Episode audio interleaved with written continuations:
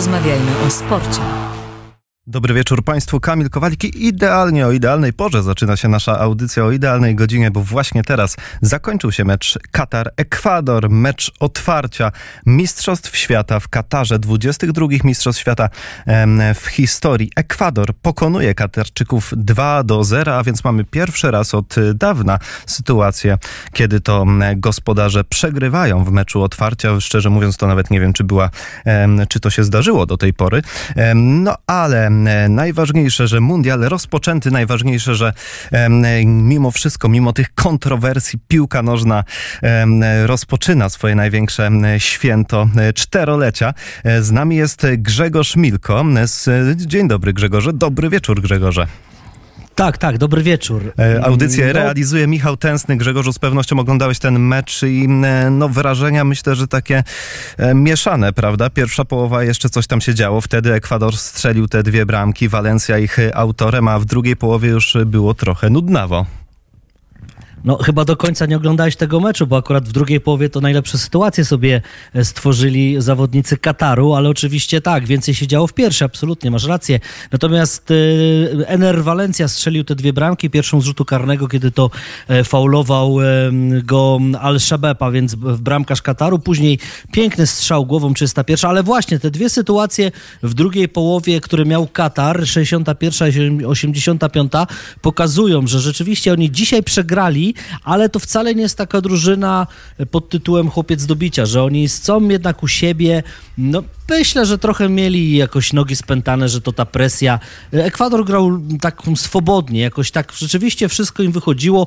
Już na początku meczu strzelili gola, kiedy to sędzia e, tej bramki na, w pierwszej wersji uznał, a później po analizie wozu VAR, na którym, co jest ciekawe, dziś pracował Tomek Listkiewicz, nasz arbiter, głównie asystent liniowy sędziego Marciniaka, dzisiaj dostał zaszczytu, bo to wielki zaszczyt w, w pierwszym meczu Mistrzostw Świata usiąść właśnie na wozie Warny i między innymi jego decyzja była taka, że, e, że, że był spalony gdzieś tam, nie wiem skąd, tak naprawdę z przysłowiowego kapelusza ten spalony wyciągnięty dla Kataru. Może gdzieś tam w pierwszej fazie akcji, przy pierwszym podaniu dopatrzono się, bo później była taka mała analiza, że zawodnicy byli praktycznie w równej linii tyle, że ten z Ekwadoru lekko wysunięty, ale, ale ta akcja jeszcze później długo trwała i, i finalnie, finalnie padł No ale to już nieważne, to już była taka historia zamierzchła, bo potem rzeczywiście 16 minuta bramkarz fauluje w fatalny sposób rywala i Ener Valencia, a więc świetny strzelec, świetny napastnik Fenerbahce zdobywa bramkę, później jeszcze ten strzał głową przepiękny Nera Walencji na 3-1, e, na 2 do, na 2 do 0 w 31 minucie.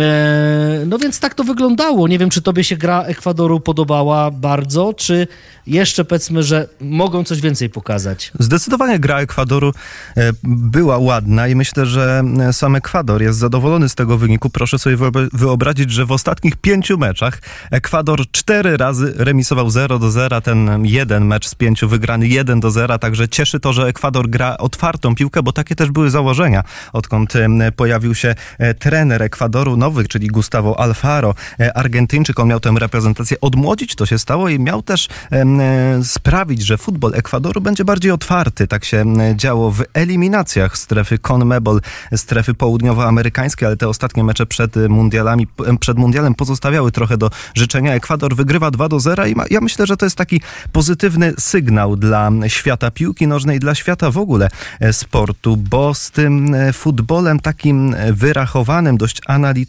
Kataru, mam na myśli tutaj futbol opierający się, prawda, o jakieś nowoczesne technologie, e, przygotowanie zawodników e, pod kątem e, także chociażby biologicznym, fizycznym w Akademii, Aspire, Aspire Academy w Katarze. I to wszystko okazuje się, że jednak w, w spotkaniu z tym futbolem bardziej radosnym, z futbolem przede wszystkim, no jednak, który zna piłkę z dobrych lig, prawda, bo w lidze, w ligach europejskich grają piłkarze Ekwadoru, jednak weryfikacja tutaj wskazuje na to, że no, Katar jeszcze ma coś do nadrobienia, prawda? Tak, tym bardziej, że to jest w ogóle bardzo ciekawa grupa, bo jest e, Katar, Ekwador, a także e, Holandia i Senegal. Senegal pozbawiony swojej największej gwiazdy Saido Mane, który w ostatniej chwili wypadł przez kontuzję. 8 listopada nabawił się kontuzji w meczu Bayern-Werder.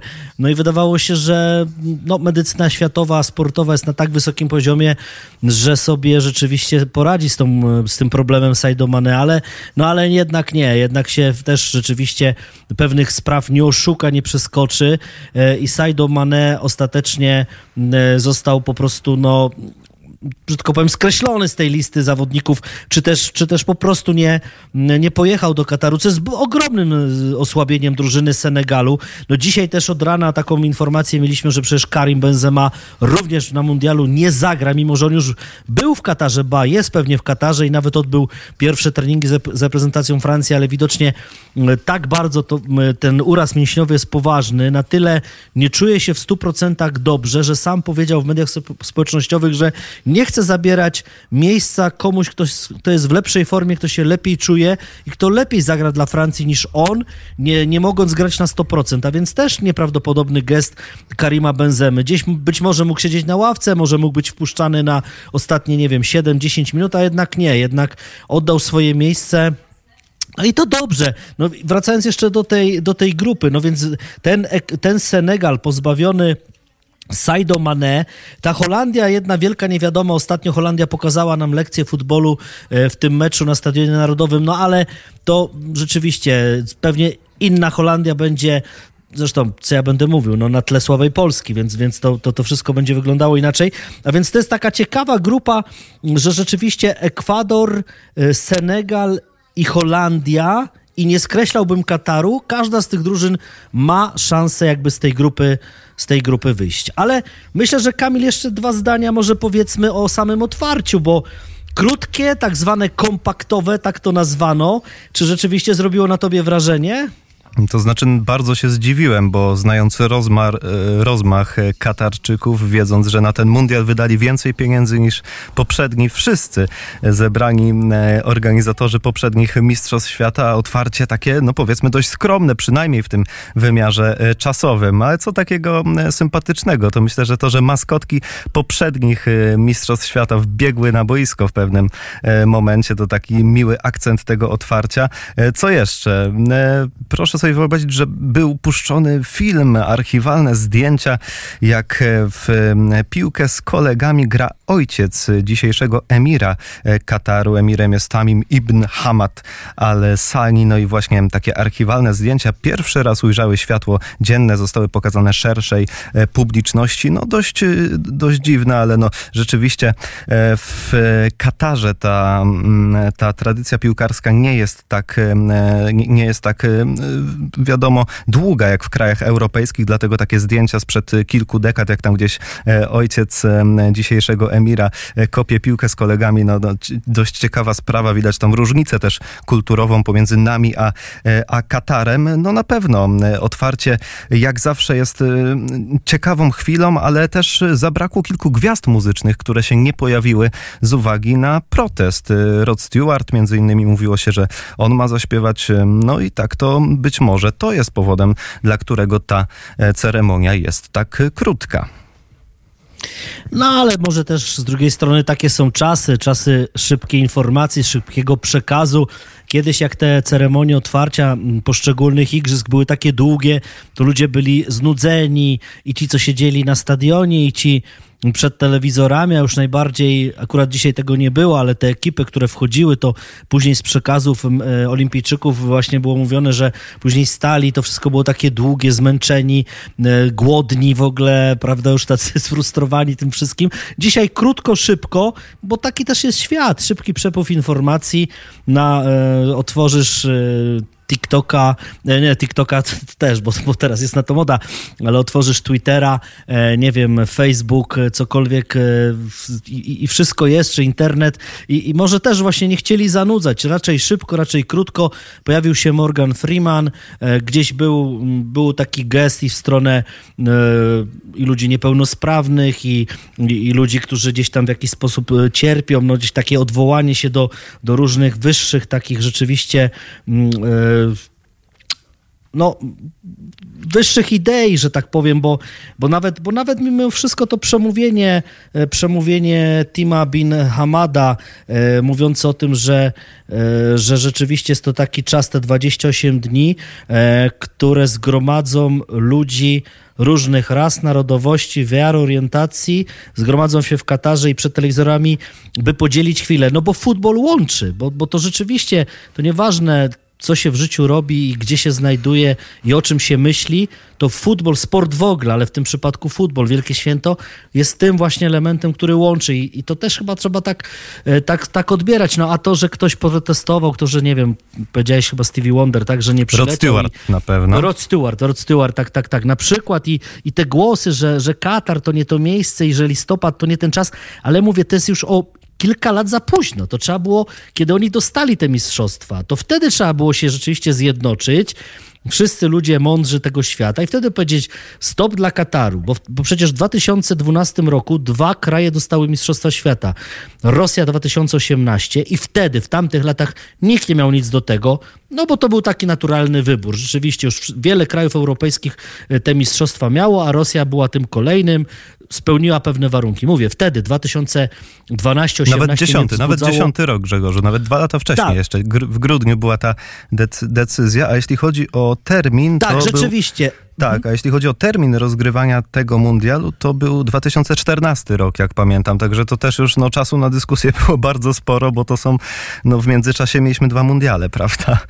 No, no właśnie, dwa mundiale dokładnie, bo była, było RPA, była Brazylia, była Rosja, Rosja 2.18 i teraz jest Katar. I, I tego czasu było tak dużo, żeby oprotestować w jakikolwiek sposób na, na wszystkich frontach. A nagle, kiedy już się zbliżamy, kiedy już są stadiony wybudowane, oczywiście kontrowersje w nieludzkich warunkach robotnicy, może nie wszyscy, może część, może część nie było tyle wynagradzanych, jakby chciało, może, może gdzieś tam to wszystko mm, e, było, było takie, e, no nie do końca rzeczywiście humanitarne i zgodnie z regułami, z przepisami, ale, ale wtedy świat nie protestował i wtedy nikt nie zatrzymał tych mistrzostw i, i one zostały zorganizowane, ktoś je dał. Rzeczywiście łapówki stały się faktem, bo przecież Sepp Blatter został... Został nominowany po raz kolejny i kiedy wyszło na jaw, co się działo z tym przyznaniem Katarowi mistrzostw, to on się po prostu podał do dymisji.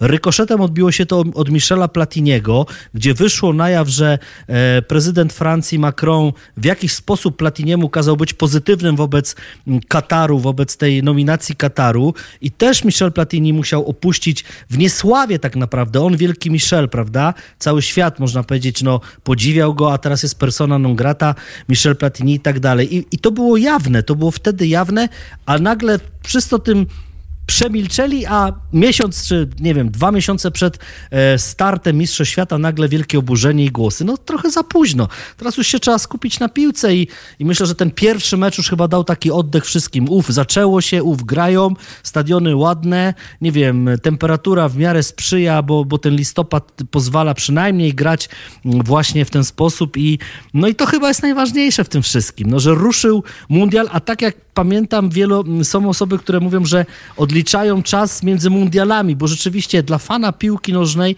e, Mistrzostwa Świata to jest absolutne święto. No to jest coś, coś na co się czeka.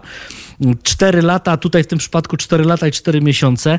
No i to, że jest listopad, to, że w grudniu będziemy kończyli, to, że 18 grudnia będzie finał, no to przyjmijmy to. No tak jest i już. No, no, no po prostu. No. Oczywiście, że Tak musimy to, to, to przyjąć i tak e, to, co się mm, no na pewno negatywem dużym jest to, że e, nie zagra Sadio Mane, a chyba największym, że jednak zabraknie Karima Benzemy, prawda, zdobywca złotej piłki, nie wystąpi na mundialu.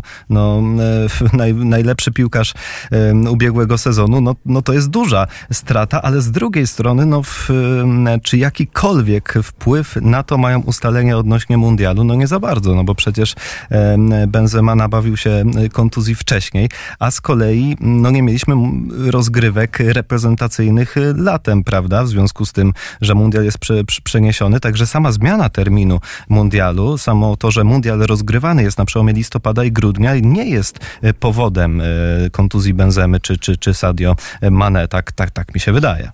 No nie, kontuzje to jest nieodłączny element życia każdego piłkarza No i przed każdym mundialem były, były historie z kontuzjami najważniejszych piłkarzy. W 62 roku bardzo dosyć poważnej kontuzji, która tak naprawdę wyeliminowała go z czynnego uczestnictwa w mistrzostwach, miał Pele.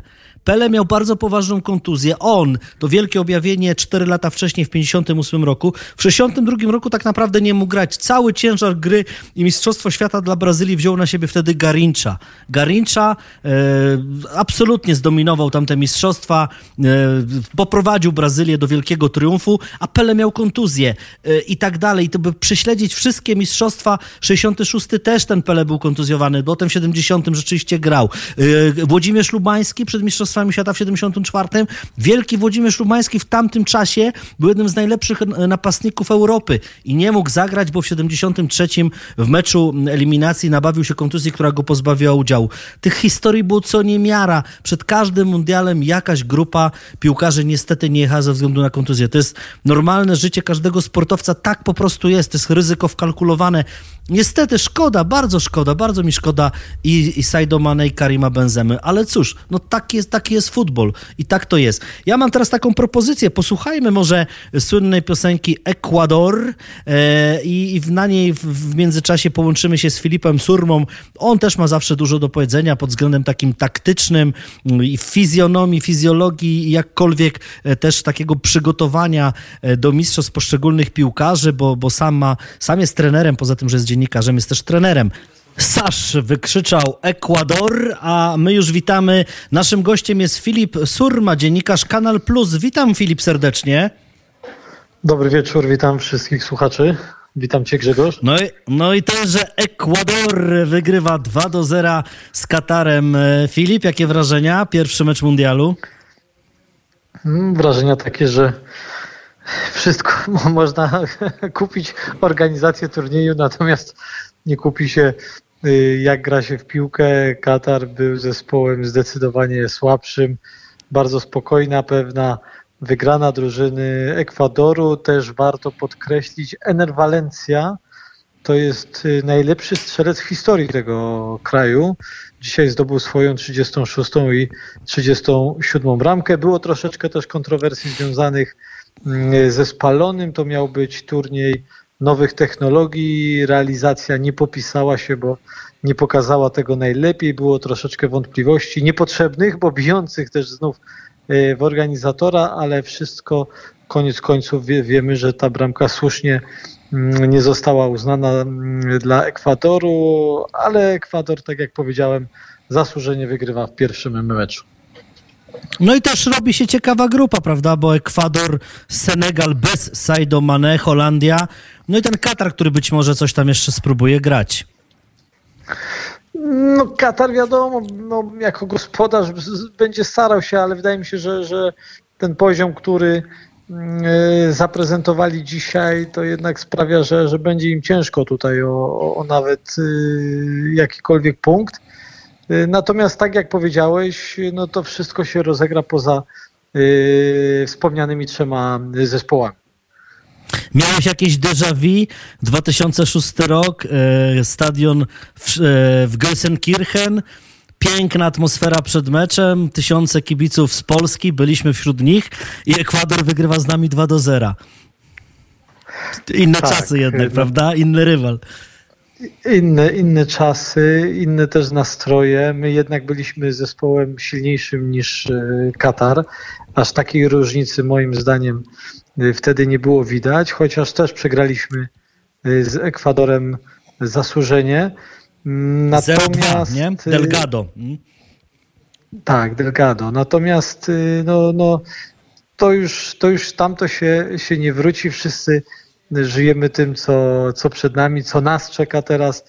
Pierwszy mecz e, zagramy z Meksykiem i wiemy, że, że te pierwsze mecze są kluczowe. O, to o tym trzeba pamiętać, bo od 86, od 36 lat nie wyszliśmy z grupy. E, no a, a wtedy co prawda zremisowaliśmy z Marokiem, e, ale wiemy, że, że nie, można, nie można przegrać tego pierwszego meczu. Filip, zanim, zanim do tego meczu Polska-Meksyk, bo wiem, że e, przeanalizowaliście go dokładnie w waszej debacie w telewizji Kanal Plus, to jeszcze dwa zdania tylko o tym otwarciu. Krótkie, takie kompaktowe, jak to nazwano. E, coś byś dodał? Coś, coś, coś na tobie zrobiło wrażenie? Gdzieś tam się ten Katar usprawiedliwił z tego, że ma ten mundial jednak? To znaczy, gospodarze robią wszystko z y, prezydentem y, FIFA Infantino, żeby pokazać Katar w jak najlepszym obliczu, w jak najcieplejszym, jako kraj, y, który jest gościnny dla wszystkich, jako kraj tolerancji.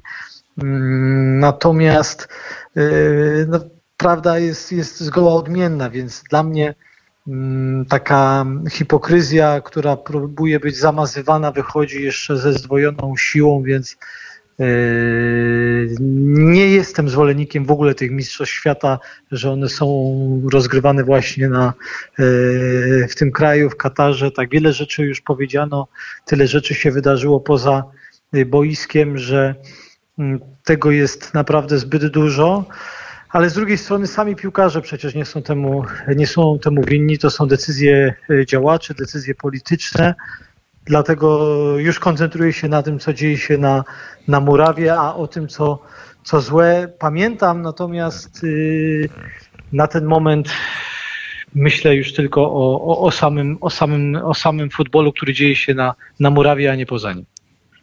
No dokładnie, ja też o tym mówię od y, jakby dawna, że świat miał czas na to, żeby zatrzymać mistrzostwa w Katarze, tego nie zrobił nikt, z żadnej ze stron. Po prostu ten mundial, on sobie or, był, był organizowany, oczywiście budowano stadiony i tak dalej. Było dużo kontrowersji, ale, ale sędzia zagwizdał po raz pierwszy w meczu otwarcia i my chyba się już wszyscy musimy skupić na futbolu. Więc Filip, to co nas czeka we wtorek, 22, godzina 17. 17, czyli pora taka sama, jak teraz rozgrywany był mecz e, Katar-Ekwador, a więc ta temperatura pewnie około 30 stopni plus minus. E, wilgotność duża, bo, bo taka jest. Wiem, że trener Michniewicz w ogóle wszystkie treningi teraz organizuje po zachodzie słońca. E, wasza debata bardzo naprawdę rzeczowa, miałeś świetnych gości w studiu. No ale jakie wnioski przed meczem z Meksykiem? Jeszcze dodał, dodam do tego, że gramy na, dodałbym do tego, że gramy na nieklimatyzowanym stadionie, w tym stadionie 974 zbudowanym y, z kontenerów. Y, to również w pewnym sensie jest y, dla nas minus. Natomiast jakie wnioski? No przede wszystkim jestem ciekawy, w jakim składzie wyjdzie reprezentacja Polski. Tutaj sztab szkoleniowy musi szybko ocenić, którzy z zawodników najlepiej zaaklimatyzują się do tych warunków, bo tak jak wspomniałeś, one nie są y, łatwe. Gramy z rywalem, któremu będzie o wiele mm, mm, łatwiej y, zaadaptować się do takiego y, klimatu. Więc to, co najbardziej teraz mnie interesuje, to znaczy, to jest to, jak selekcjoner i jego sztab ułoży i system gry, i jedenastkę na to spotkanie, to, to będzie klucz do, do, do, tego, do tego meczu. No i co, przede wszystkim też personalia, bo ja rzeczywiście słuchałem się w waszą debatę, którą tak, no prowadziliście tak, w studio w linii, Kanal Plus tak, i tak właśnie mówisz, pro... obrona. Mhm.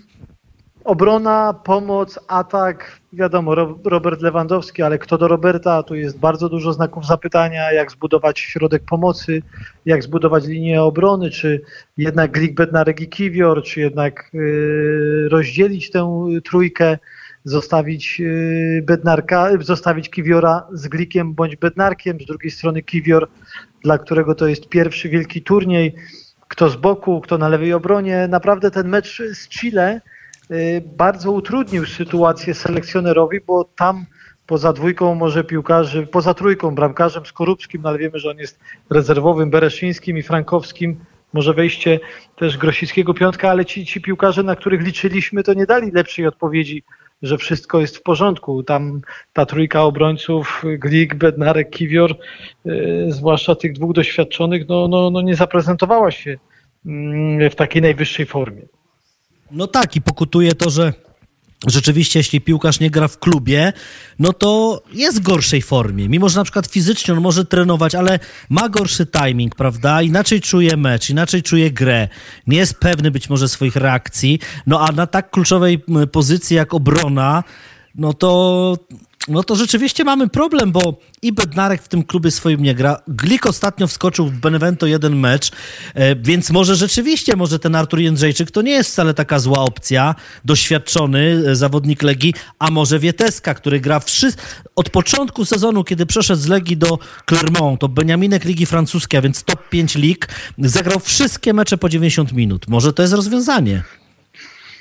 No, tak jak mówisz, wszystko się tutaj e, zgadza i, i jedyne co, to jest takie ryzyko, że, że Wieteska nie jest dograny z Glikiem, z Bednarkiem czy, czy z Kiwiorem, że, że tutaj dotychczas trener stawiał na, na innych zawodników, a się okazuje, że, że ci, którzy nie grali, nie mają czucia e, piłki, nie wyglądają jeszcze najlepiej fizycznie. Podobnie sytuacja wygląda w drugiej linii, bo, bo widzieliśmy na przykładzie Żurkowskiego, gdzie brakowało tak zwanego czucia piłki temu pomocnikowi, o którym trener myśli, by grać w nim w pierwszym składzie. I to są właśnie te pytania, e, nad którymi debatuje trener. My możemy sobie teraz powiedzieć tak, żeby grał Pieteska, żeby grał e, inny zawodnik, który ma więcej minut w nogach. Natomiast to są też relacje między zawodnikami, to są też pewne automatyzmy, które były wyrobione w trakcie eliminacji do innych turniejów, czy podczas w ogóle innych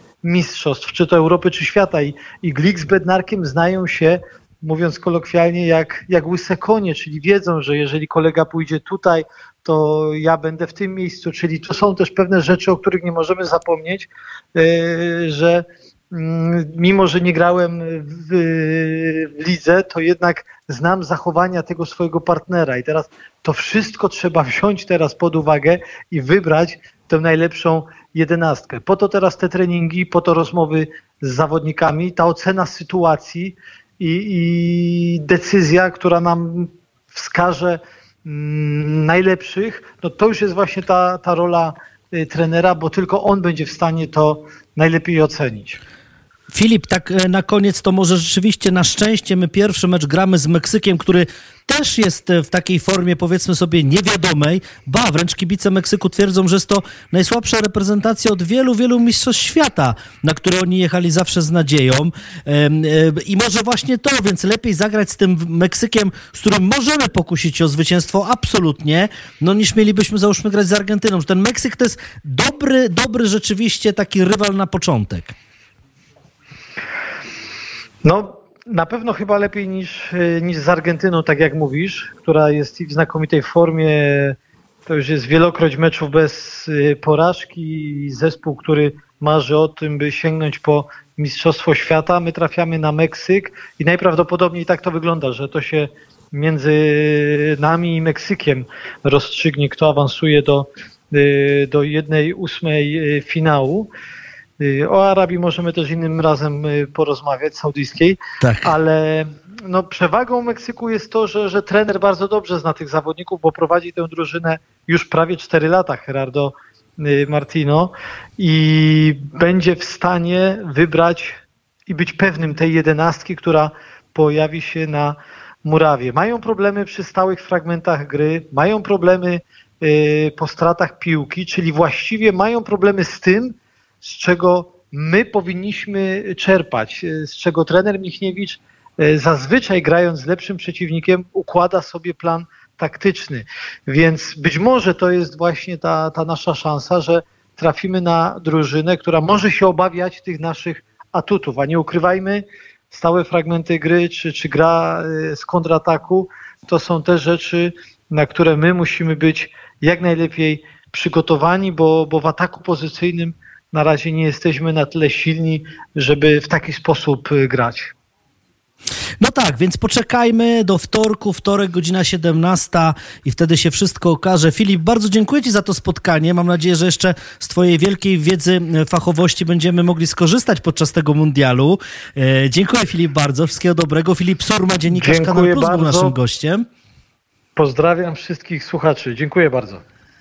A ja z kolei zapraszam, no bo rzeczywiście piłka to, piłka powinna jednoczyć, tak jak dzisiaj e, wszyscy mówili na, e, podczas tego otwarcia. Jest taka piękna piosenka, piękna polska balada, po prostu miłość, wykonuje ją Wojciech Kubiak, a więc niech ta piłka to rzeczywiście będzie takie przesłanie, po prostu miłość.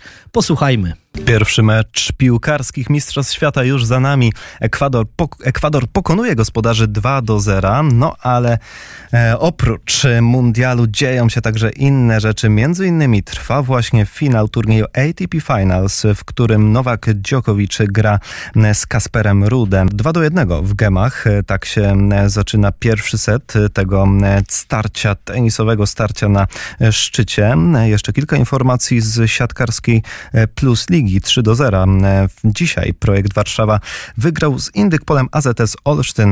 Mecz dosyć ciekawy. Dwie drużyny, które aspirują do bycia powiedzmy może nie w ścisłej czołówce, ale jednak no co najmniej chcą się za, znaleźć w tej pierwszej ósemce, która będzie miała możliwość grania potem w playoffach, grania o Mistrzostwo Polski. Projekt wygrywa 3 do 0. PGS Krabełchatów 3 do 0 wygrywa z Katowicami. Bardzo dobry znak dla Bełchatowian po tym, jak ostatnie mecze były zdecydowanie słabsze w ich wykonaniu. Bełchatów między innymi przegrał ze Lwowem. Lwowem, który no, robi furorę w tej lidze, bo wielu ekspertów mówiło o tym, że Lwów no, raczej dla tej drużyny jest zarezerwowane miejsce ostatnie. Tymczasem Lwowianie nie raz, nie dwa dochodzą do tej breka i potrafią w tym piątym secie wygrać. Dzisiaj o 20.30 Bar Konkarzany Lwów zagra w Jastrzębiu Zdroju z liderem, z Jastrzębskim Węglem. Jastrzębski Węgiel liderem i e, wszystko wskazuje na to, że e, no, dzisiaj mimo wszystko z Lwowem wygrają. Naprawdę świetna, niezawodna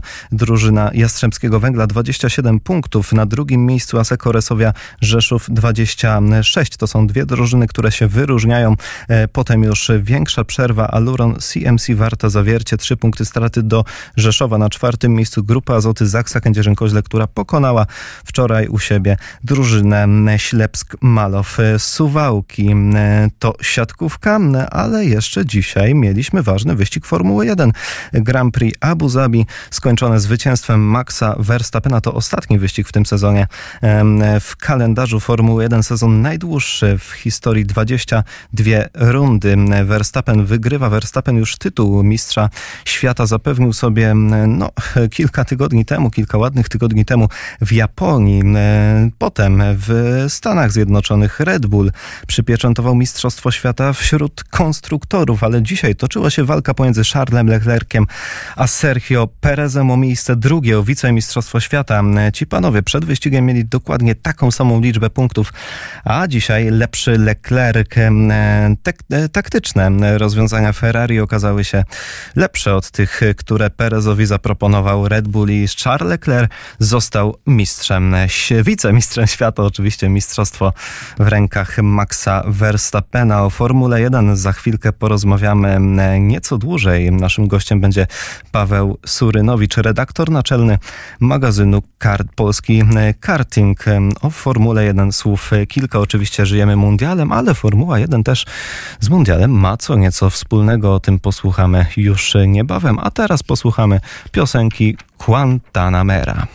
Spokojna piosenka, która z pewnością pomoże odetchnąć kibicom po rozpoczęciu mundialu w Katarze, ale odpocząć też powoli będą mogli kierowcy Formuły 1, którzy dzisiaj zakończyli zmagania w najdłuższym w historii sezonu królowej motorsportu. Przed piosenką mówiłem Państwu, że Formuła 1 ma coś wspólnego z mundialem w Katarze, ma jak najbardziej.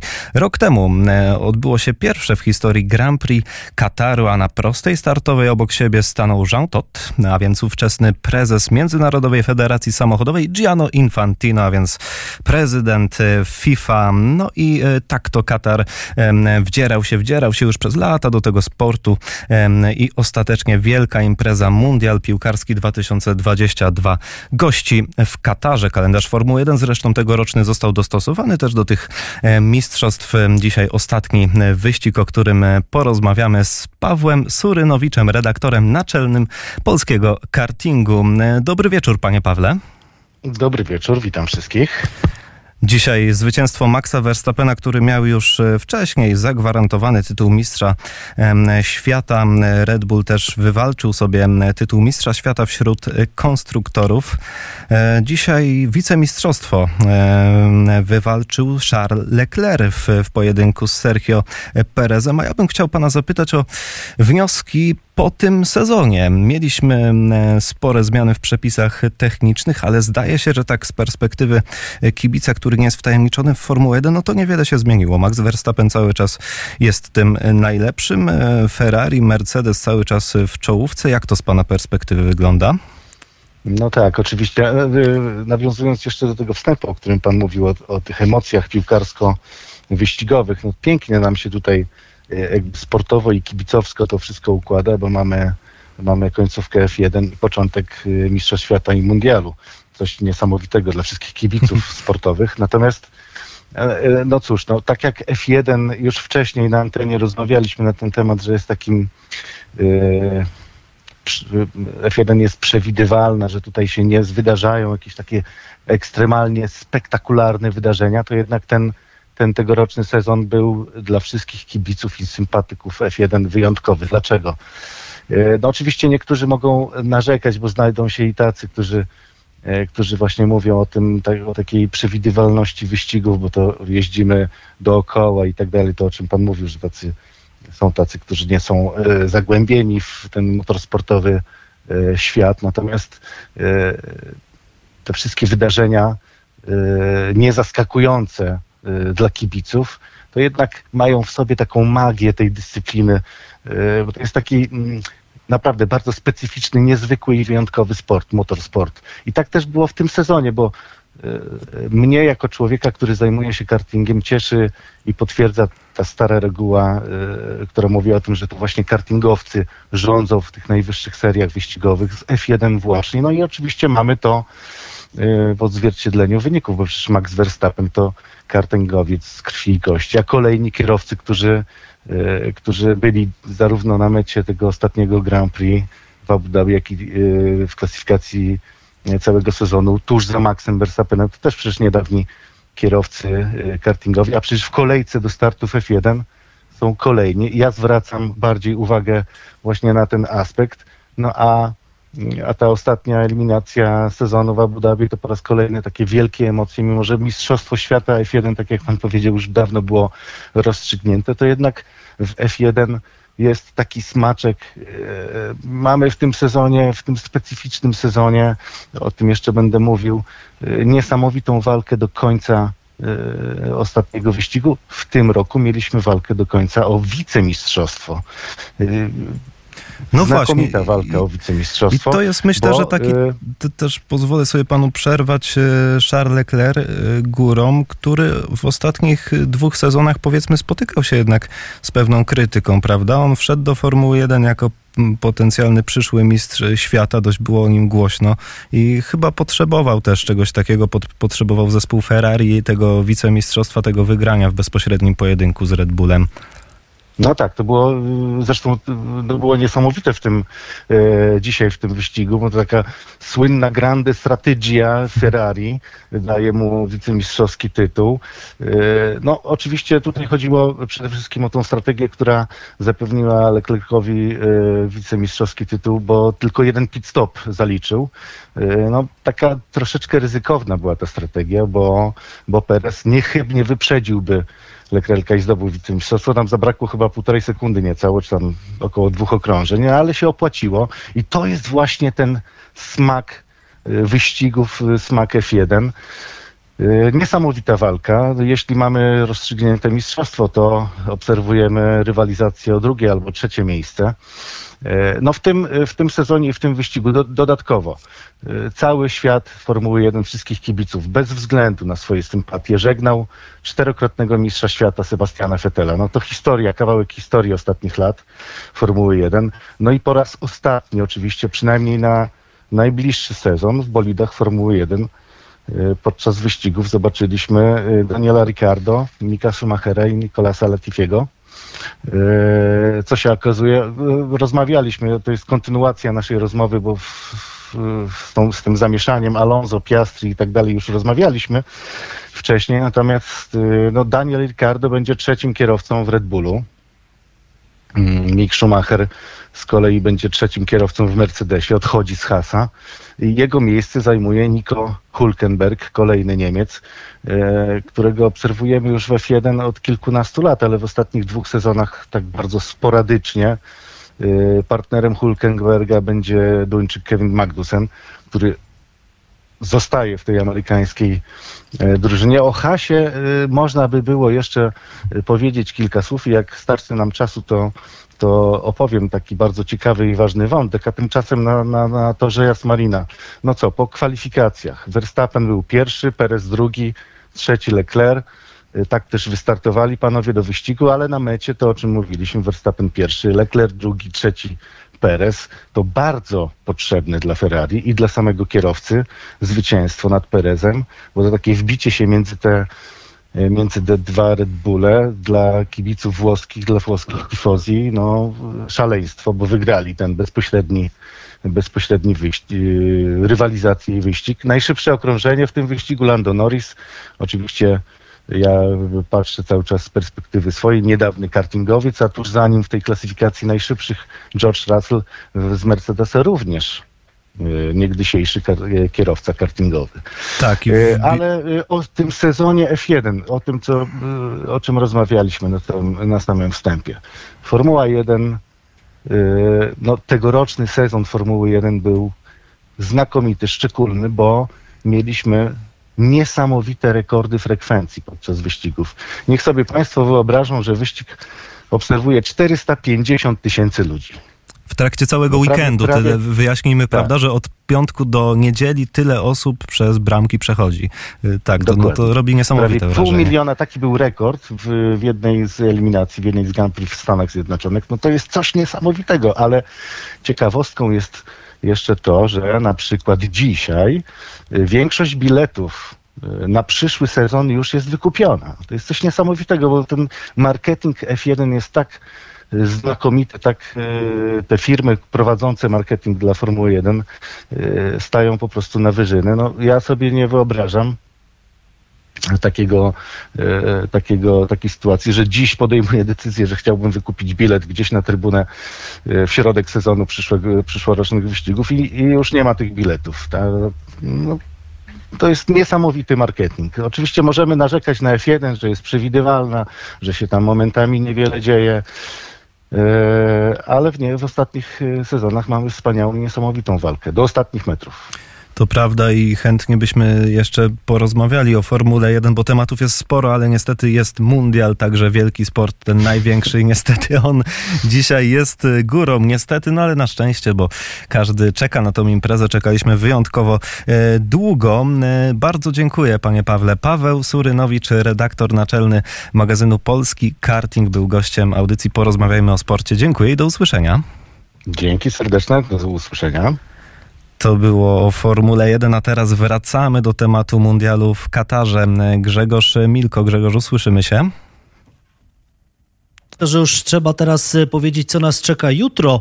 E, Przede wszystkim na naszej antenie 7.45 spotykamy się z Mundialem. E, Też powiemy na pewno o tym, co było dzisiaj, o tym otwarciu, o tym pierwszym meczu, ale także e, wprowadzimy no, gdzieś tam już też w to, co będzie nas czekało. Bowiem o 14.00 Anglia gra z Iranem. E, Później godzina 17 jest mecz Senegal-Holandia, więc to jest ta sama grupa, co e, grupa A, co Katar, Ekwador i o 20 Stany Zjednoczone, Walia. Nasze spotkania, w, e, Kamil potwierdzisz, 7.45 i 16.45. Właśnie Jutro, natomiast tak, natomiast wtorek już no, bardzo polski. Polska muzyka, wprowadzenie w klimat meczu, który się zacznie o godzinie 17, a więc Meksyk-Polska. Tak, czyli to jest to, na co przede wszystkim czekamy. Główne wydarzenie tego tygodnia, no ale tydzień napięty, bo przecież następny mecz już e, sobota na stadionie klimatyzowanym. Drodzy Państwo, zagramy z Arabią e, Saudyjską. Ten pierwszy mecz na stadionie nieklimatyzowanym, ale za to kontenery tam są w liczbie prawie tysiąca, jak się nie mylę. E, a jeszcze wróćmy na chwilę do tej grupy B, bo ja myślę, że to jest bardzo wyrównana grupa, prawda? Anglia, Iran, Stany Zjednoczone, Walia. Każda z tych drużyn potrafi namieszać. Anglicy no coś więcej niż namieszać. Wiadomo, że oni są przynajmniej byli upatrywani jako jedni z faworytów, bo Liga Narodów w ich wykonaniu naprawdę kiepska. Oni e, nie wygrali żadnego spotkania. Jeden mecz zremisowali na koniec z Niemcami 3 do 3. Są, są pretensje wśród angielskich dziennikarzy, wśród angielskich kibiców do tego, co e, robią Anglicy. Jeżeli ta gra będzie ich wy, wyglądała podobnie jak w Lidze Narodów, no to może się okazać, że ta grupa B będzie niesamowicie wyrównana, no ale myślę, Grzegorzu, że możesz potwierdzić to, że jednak to, jakie indywidualności są w reprezentacji Anglii, gwarantuje to, że no, Anglicy tutaj pokażą dobrą piłkę. To znaczy tak, chociaż e, rzeczywiście, no być może nie jest to tak silna Anglia jak na Mistrzostwach Europy, gdzie grał u siebie, ale myślę, że to, mm, to jeszcze, to rzeczywiście jest wszystko tak naprawdę, no pierwszy mecz e, z Iranem, za chwilę, za chwilę Stany Zjednoczone walia, natomiast ja e, jestem zdania, że Iranu nie powinno być na tych mistrzostwach. Jeśli Iran współpracuje z Rosją, to jadą na tym samym wózku, niestety, i, i są przeciwko, jeśli my się zastanawialiśmy, że Katar nie to miejsce. Nie, nie, to, to, to jakby ten temat już jest skasowany. Natomiast to, że Iran w ogóle jest na tych mistrzostwach, to jest dla mnie, no po prostu tego nie powinno być. Więc, więc mecz Anglia-Iran będzie taki, no dla mnie z, z wielkim, wielkim niesmakiem, no, ale, ale będzie, tak? No i jak najbardziej wszyscy myślę, że życzymy Anglii, żeby po prostu ten mecz wygrała. No ciekawa grupa, bo rzeczywiście Walijczycy mają też swoje do pokazania do powiedzenia, szczególnie w starciu z Anglikami, a Stany Zjednoczone zawsze na wszystkie mundiale, na które jechały, to miały coś ciekawego do pokazania. Oczywiście najlepszą drużynę wystawili u siebie w 94 roku, no ale to już były zamierzchłe czasy, więc absolutnie, absolutnie fajna grupa, tylko z, z, bez, bez Iranu byłaby jeszcze, jeszcze lepsza moim zdaniem. No tak i prawdopodobnie to, że Iran jest na tych mistrzostwach, to jednak e, no, oznacza, że ten świat nie jest taki kolorowy. Zresztą to nam się daje we znaki przy okazji tego mundialu co cały czas, no bo z uwagi na to, kto jest jego organizatorem. E, Grzegorzu, Taki, tak jak... No tak, ale, ale mimo wszystko organizacja organizacją. To już ruszyło, nic się tam nie dzieje, stadiony piękne. Natomiast tutaj, że gra Iran, a więc przymierzeniec Rosji, to jest chichot losu bo tak to chyba, tak to należy odbierać, no bo to tak samo jakby Białoruś teraz grała. No.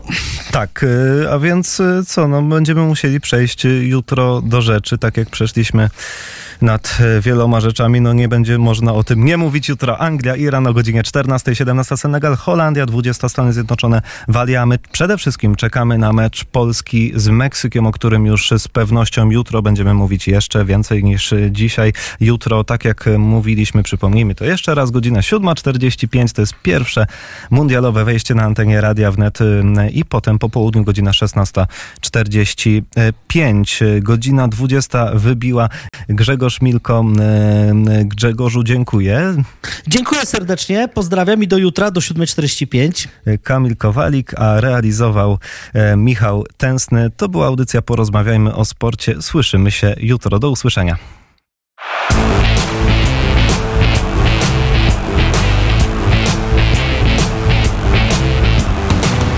Porozmawiajmy o sporcie.